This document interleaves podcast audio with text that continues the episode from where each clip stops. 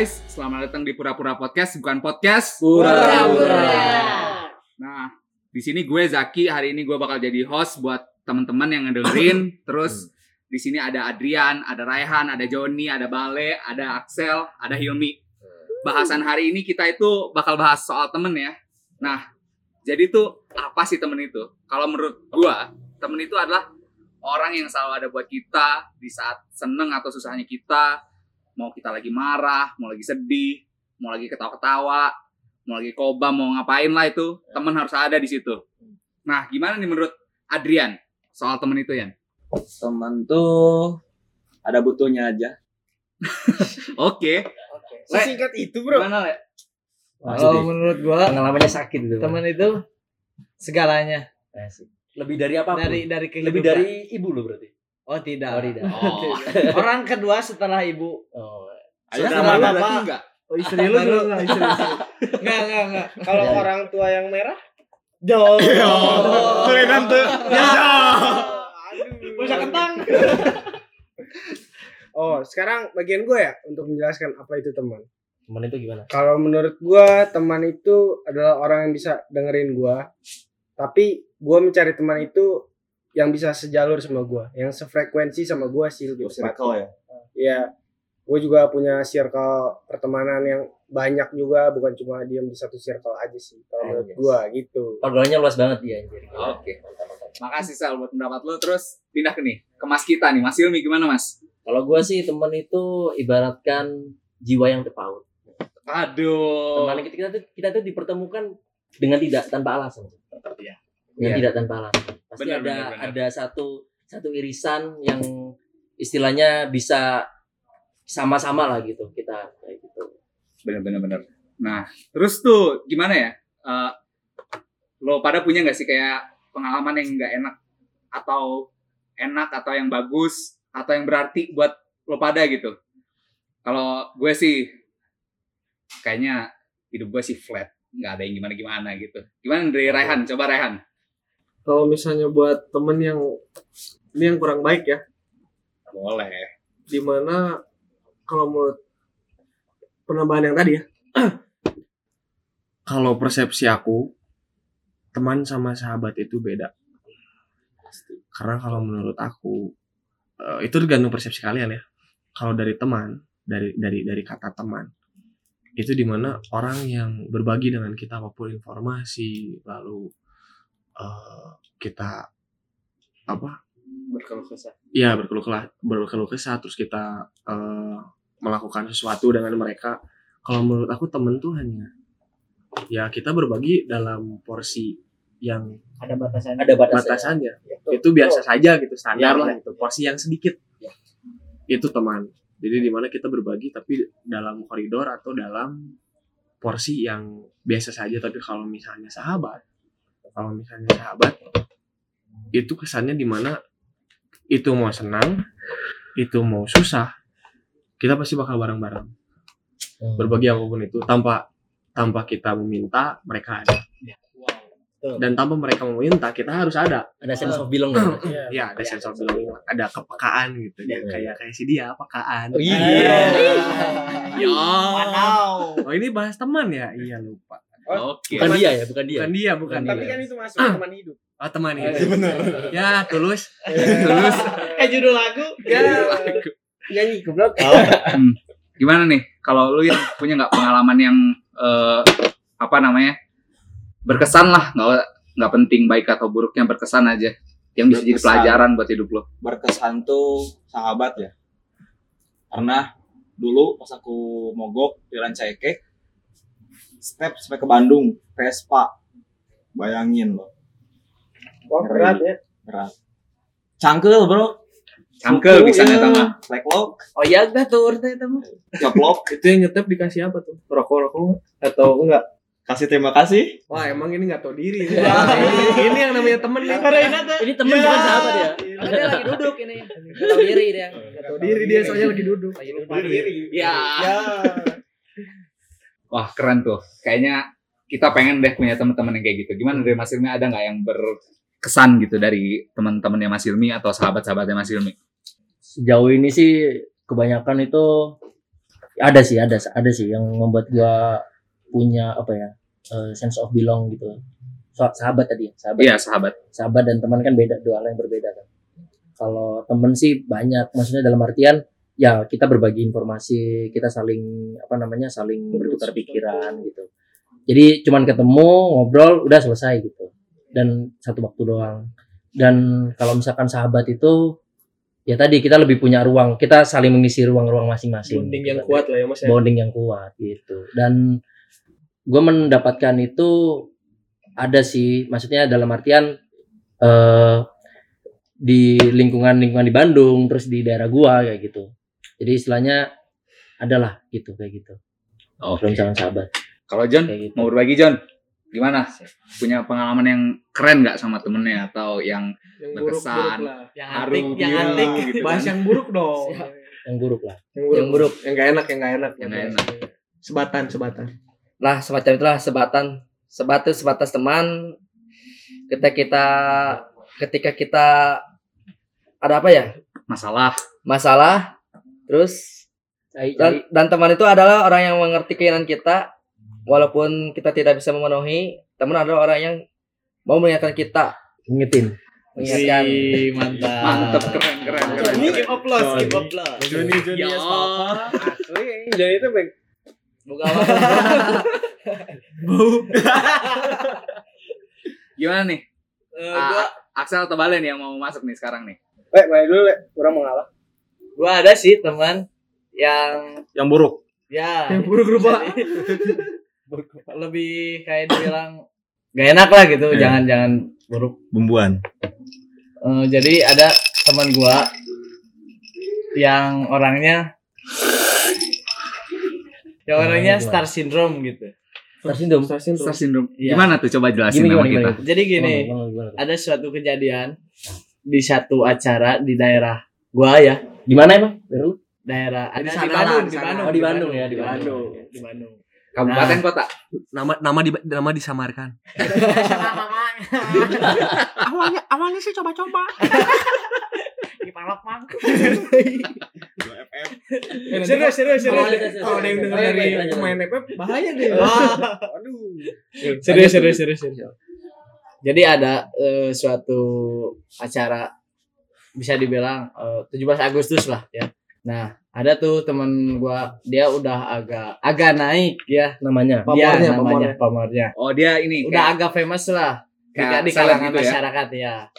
Kayak seleb-seleb gitulah. Uh, Sebel gram, sebel sebel gram, sebel sebel gram. bisa. Sebel gram. Sekarang juga ada seleb tweet Wadah. Wadah. yang hobinya ngepost kata-kata galau. Oh, yes. Lanjutin kok gimana lah? Jadi eh, di acara itu, jadi gua kan sebagai yang cari talent ya di acara itu teh. Nah, gua cari nih, gua cari cari talent, cari talent. Gua kepikiran ada teman gua nih yang itu yang ya eh, terjun di dalam dunia musik ya dunia musik dunia musik keren, lah keren. kayak gitu. Nah terus dia tuh, gua gua gua langsung japri dia. Gua minta minta bantuannya dong buat daerah sendiri nih. Kan lu juga tinggal di daerah. Oh sendiri. berarti lu sedaerah sama dia Iya, ya? sedaerah. Oh gitu. Oke. Nah, terus dia awalnya minta fee ke dia gitu.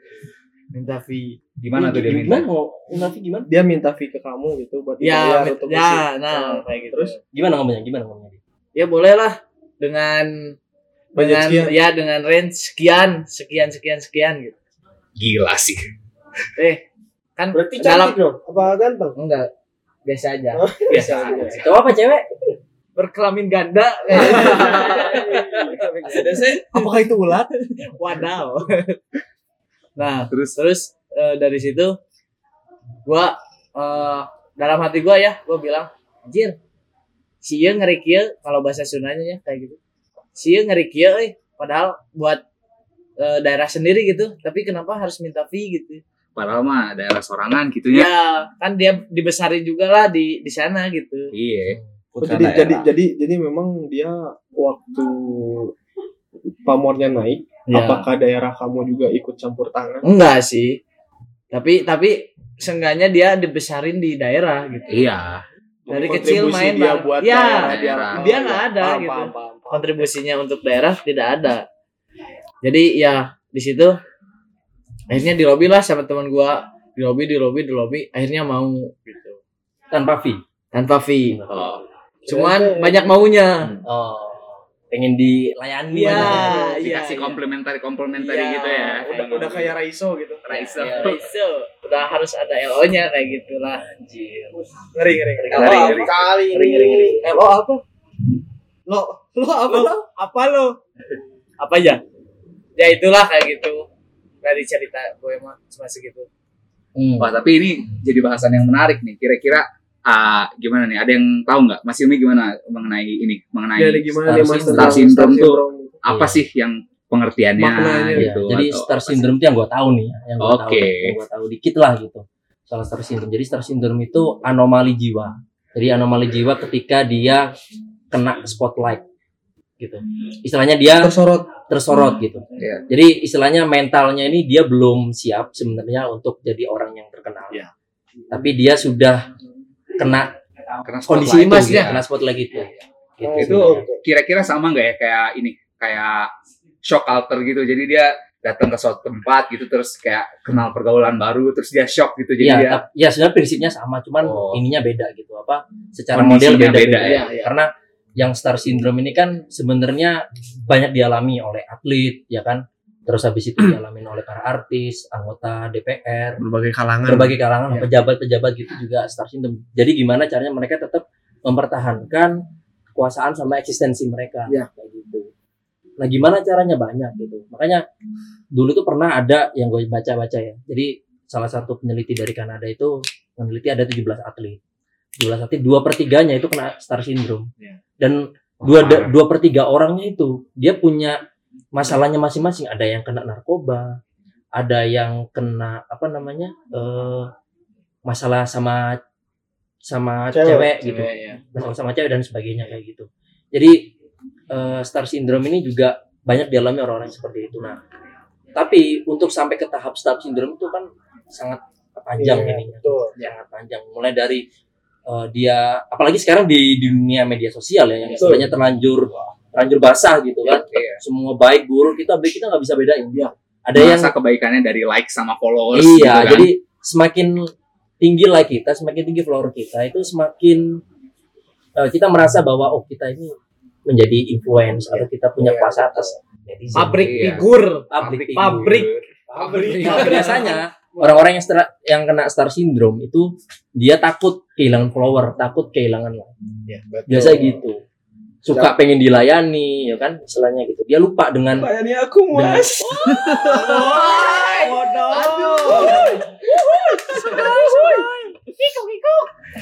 Nah, Open eh, BO nih.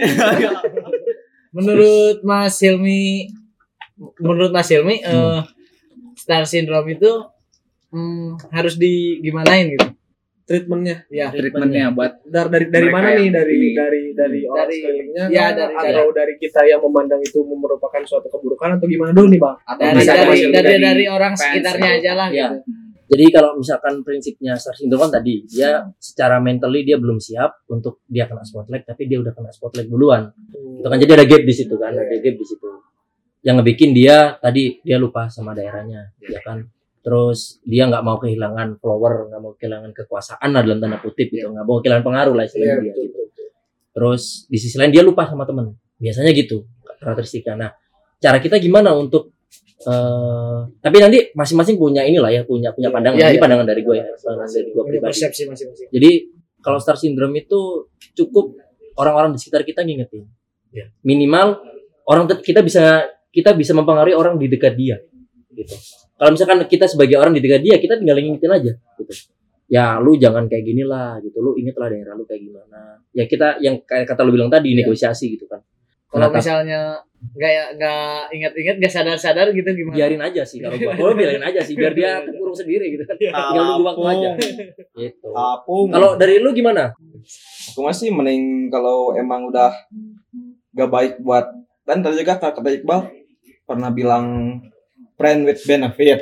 yes ada ya udah ada benefit temen Benefitnya bilang. gimana? Benefitnya gimana? Nggak usah guanya Oh, is. kalau kamu tuh gitu aja hmm. kalau kita saling saling melengkapi ya rangkul lagi tapi kalau emang dianya udah Lupa ya. lupa banget sama lupa sama diri sama lingkungan sekitar sama bu- daerahnya lah sendiri tinggal aja udah Hmm. buat apa sih buat yang kayak gitu gitu Hmm. Tapi sebenarnya gue itu orangnya cuek ya, cuek banget gitu. Hmm. Sama hal-hal yang kayak gitulah gitu. Hmm. Tapi kenapa kok denger ini jadi risih gitu Hmm. ke hidup gua gitu. Iya, iya, iya. Jadi sebuah suatu kerasahan gitu ya buat lo ya. Iya, iya.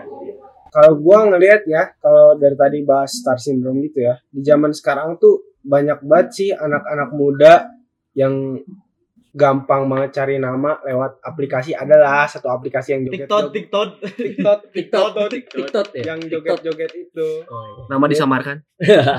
dia tuh kayak nyari followersnya tuh dari situ kayak dari pamer bentuk tubuh yang besar itu Aset-aset gitu lah ya. berharga gitu Apa kan tuh?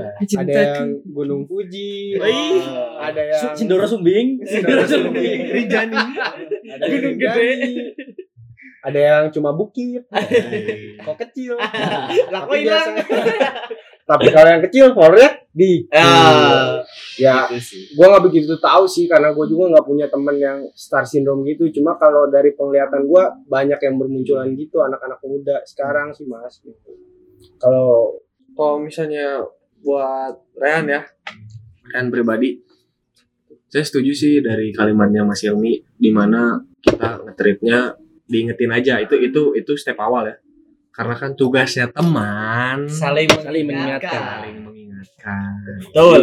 Kita ingetin aja tapi dengan porsinya kita kalau misalnya kita kita kenalin dulu diri kita sendiri. Kita rumah merasa dekat gak sama dianya gitu.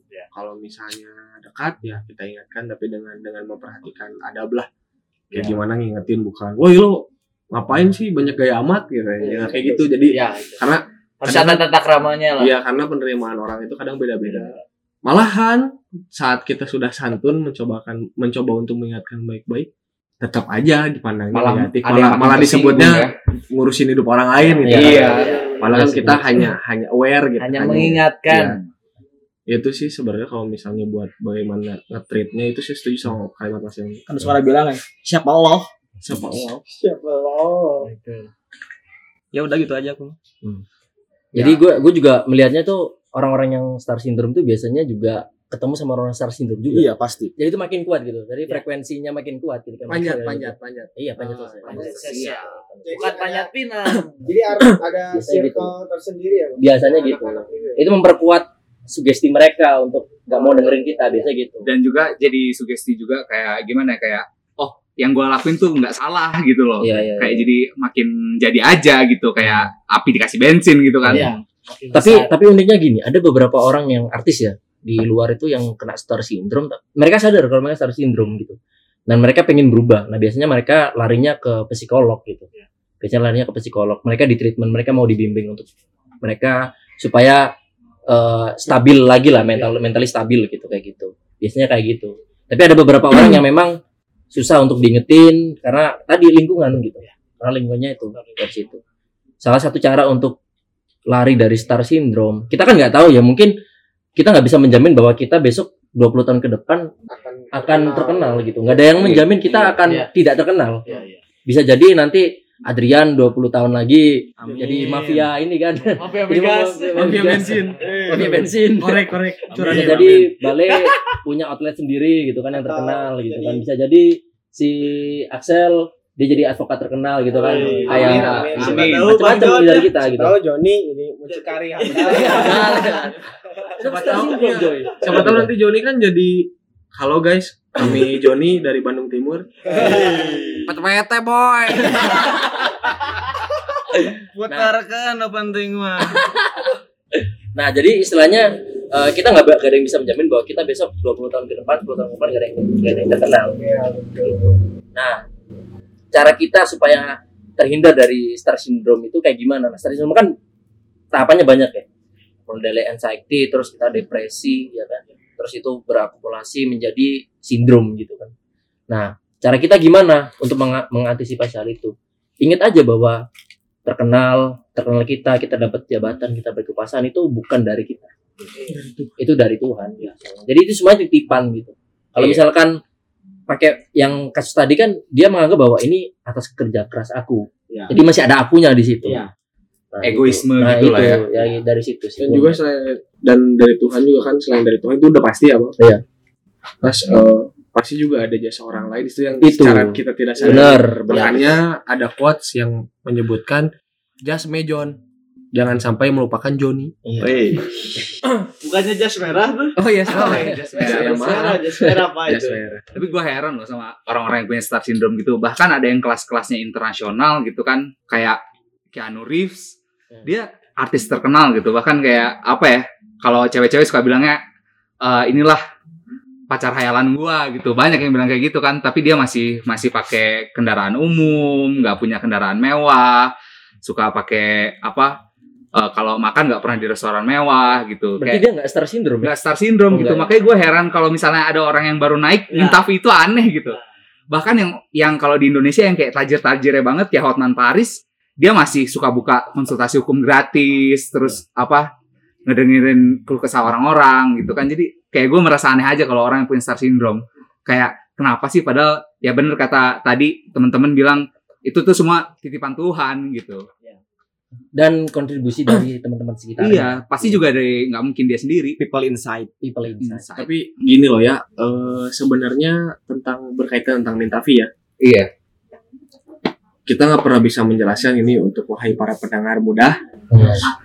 untuk orang-orang sananya dia udah mulai memiliki nama mulai untuk memiliki nama dia tiba-tiba minta via seandainya contoh apakah dia model fotografi atau dia dari latar belakangnya musik atau gimana nah kita juga nggak bisa ngecap semua sama rata orang yang dia baru naik minta fee langsung menjadi star nah syndrome sepakat benar. karena kadang gini loh kalimat ini bisa dijadikan pembelaan Iya. Seandainya gini saya fotografer saya ngelihat ada perempuan cantik seandainya karena kan tergantung ya ada eh, yang handal mau mau cantik mau enggak tetap bisa terlihat estetik tergantung dari corak warna dia sebagai fotografer bagaimana untuk mengangkat sebuah foto gitu ya menciptakan sebuah karya. Iya, iya.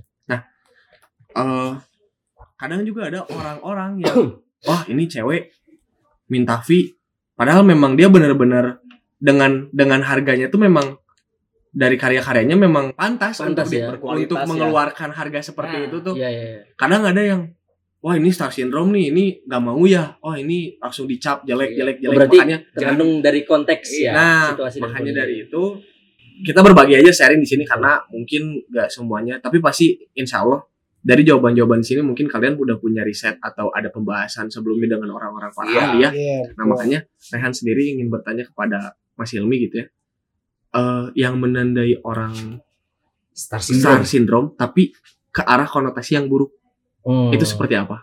Contohnya itu ketika dia udah punya followers ya kan dia udah punya followers dan dia udah ngerasa aku ini sebagai influence loh gitu. Kayak over PD gitu ya. over PD dia udah dia dia over di dalam dirinya dia over gitu. Di dalam dirinya dia over terus dia pengen eh, itu langgeng gitu itu dia dia pengen Iya. langgeng gitu kan. Nah di situlah proses ketakutan ketakutan itu. Akhirnya yang ketakutan ketakutan itu akhirnya menimbulkan self defense iya. Self defense dan dia kan dia mempertahankan gimana supaya dia nggak kehilangan itu semua gitu. Nah itu sebenarnya hakikat secara sendiri itu di situ. Jadi dan kan, aku sepakat tadi ketika nggak kita nggak nggak nggak bisa menyamaratakan. sama rata iya nggak bisa memukul semua bahwa orang-orang yang baru terus minta fee itu star syndrome tapi kita lihat harus lihat konteksnya dulu. Harus lihat kontekstualnya dulu. Kalau misalkan memang dia sudah berkarya banyak gitu kan dia udah punya porto lah istilahnya dia udah punya portofolio dan kita biasanya sungkan sendiri kalau nggak ngasih gitu. Biasanya kayak gitu. Tapi kalau misalkan yang sengak ya istilahnya dia baru baru aja bikin karya satu gitu kan terus dia udah udah fee-nya udah Oh. setara dengan orang-orang blaming dia udah Iya. udah kayak menyamaratakan bahwa gue ini udah setara loh sama Artis kecamatan minta fee-nya 20 juta sekali. kecamatan kan. Nah, jadi istilahnya di situlah ada ada adab di situ, ada adab di situ. Nah, kita nggak bisa menyam- memukul sama rata. Nah, kalau misalkan memang s- dia sebagai orang yang udah mulai naik, terus habis itu dia eh, nggak bisa apa ya istilah nggak bisa ngatur ritme dalam dirinya itu kan. Dalam artian misalkan di desa nih ya kan dia dari desa nih dia Mm. dari desa dia udah terkenal di kota gitu kan. Terus diminta sama desanya suruh ngisi eh, apa pameran atau suruh ngisi musik atau dan sebagainya kayak gitu. Nah kalau misalkan dia eh, minta fee ya itu pun nanti si orang-orang desanya pun bakal ngasih tapi ya dengan dengan harga yang dinegosiasikan kayak gitu jadi tetap ada adab adab di situ gitu. intinya gitu Lebih negosiasi. iya kita juga kadang sungkan kalau misalkan orang udah terkenal terus kita nggak ngasih kan Iya. sungkan apalagi kalaupun ada orang yang kita mintain tolong untuk ngisi di satu tempat terus kita nggak kita nggak ngasih apa-apa juga kadang sungkan sendiri Iya, malu sendiri. ya ada ada di situ ada etika di situ gitu. Tapi kan eh, di pas kejadian itu juga Mm-mm. gue juga gini mas Gimana tuh? gue bilang ya masa sih sama sama daerah sendiri gitu nggak em, masih minta fee gitu Iya, iya. tapi gue juga ngelayanin ngelayanin Hmm. gitu gue Hmm. dia mau apa gue kasih gue kasih gitu. Iya. maksudnya ada ada ada santena jangan eh, ulah duit wae lah gitu Iya, iya, iya, benar, benar. tapi makanan boleh gitu Heeh. dari makanan dari Iya, apa pun gitu nah bisa diusahain tapi kan di pas hari hanya gua eh, pro banget lah ibaratnya ke dia gitu Hmm. kayak gitu sih sih. Jadi tuh gitu teman-teman ya. Kalau pesen dari gue sendiri sih kayak apa namanya? Pertama tadi kan udah dibahas juga apa namanya? Yang namanya orang itu nggak semuanya star syndrome gitu. Karena mungkin dia udah punya bayaran yang bukan bayaran maksudnya kayak portofolio yang layak untuk dibayar dengan harga sekian gitu. Ya mungkin dia nggak kena star syndrome gitu. Tapi ada juga yang kena dan kita harus ini dan kita harus apa ya kayak pinter-pinter lah eh, apa namanya lah menilainya ya gitu ya. tahu adab juga gitu Iya. lah nah terus tuh juga ya untuk sebagai pengingat buat gue sendiri teman-teman juga pendengar teman-teman pendengar kalau kata Buya Hamka tuh manusia asalnya dari tanah makanya hasil tanah berdiri di atas tanah akan kembali ke tanah nah terus kenapa masih bersika- bersifat langit gitu Oh, itu kata Buya Hamka keren gak Jadi- Mantap, mantap, Jadi mantap. sofistik lo sekarang. oh iya dong Di atas langit masih ada Joni. Oh, masih ada Yoi. Joni. di atas langit ada Joni ya elah Jadi ini episode 1 dari kita. Semoga teman-teman suka, betah dengerin kita. Tolong follow-nya, like, sama share ke teman-teman kalian yang mungkin punya pengalaman yang sama atau punya kegelisahan yang ingin dijawab. Mudah-mudahan kita bisa ngebantu atau jadi apa ya, seenggaknya jadi bahan diskusi lah buat kita semua. Ya, kita dari Pura-Pura Podcast, bukan podcast. pura-pura